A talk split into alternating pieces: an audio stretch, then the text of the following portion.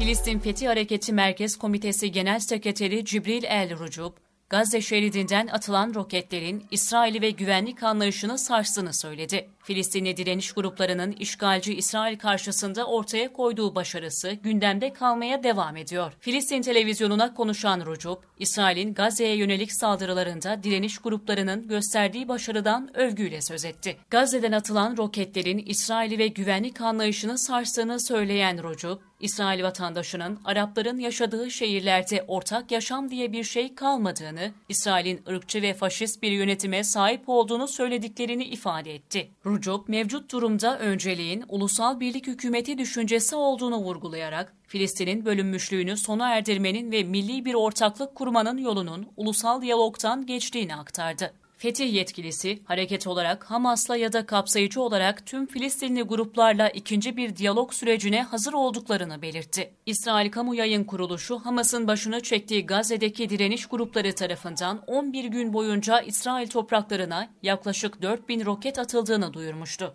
İsrail'in abluka altındaki Gazze şeridine 10 Mayıs'ta başlattığı saldırılar Hamas'la varılan ateşkes doğrultusunda 21 Mayıs'ta yerel saatle 02.00'da sona ermişti. İsrail ordusunun Gazze şeridine düzenlediği saldırılarda 66'sı çocuk, 39'u kadın, 248 Filistinli hayatını kaybetmiş, 120 binden fazla kişi evlerinden olmuştu.